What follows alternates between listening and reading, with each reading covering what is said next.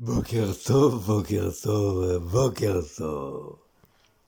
היום אני רוצה לשים לפניכם על השולחן הווירטואלי שלנו משפט קצרצר, ותופתעו שאני לוקח אותו דווקא מתפילת שחרית רגילה שאנשים דתיים מתפללים. המשפט אומר, המחדש בטובו בכל יום תמיד, מעשה בראשית. וכשאני ביררתי על מה מדובר, אמרו לי, תשמע, לא תאמין, בורא עולם, בורא את כל היקום הזה מחדש בכל יום. אני לא נכנס עכשיו לסיבוך אה, אה, של האסטרופיזיקה, מה זה אומר והאם זה אפשרי, עזבו את הנקודה הזו. אלא מתוך כבוד והתחברות אדירה לבורא עולם. אני מאמין שהוא מחדש בטובו בכל יום תמיד מעשה בראשית. אבל האמת היא, אני קם בבוקר ליקום חדש לפי המשפט, ואני מסתכל ואני רואה ממש את אותו דבר. אותם דברים, אותם חפצים, אותם אנשים. גם במראה אני רואה את אותו אני, ואז אני תוהה איפה, איפה ההיגיון. האם זה באמת נכון? או אם זה נכון, אם אתה כבר בורא את הכל מחדש בכל יום, אז למה לעשות copy-paste? למה להעתיק את כל מה שיש? אוקיי, זה החלק החיוכי, כי הנקודה היא הרבה יותר עמוקה.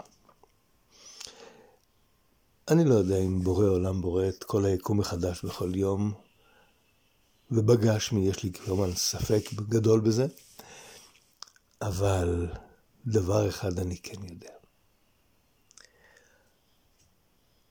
החוקיות הפנימית שלפיה אני עומד לחוות את כל הנוכחות שלי ביקום. לא חייבת להיות זו של אתמול. כלומר, המשפט הזה אומר לי בעצם, תשמע, בוראים עבורך כמו מפה אילמת.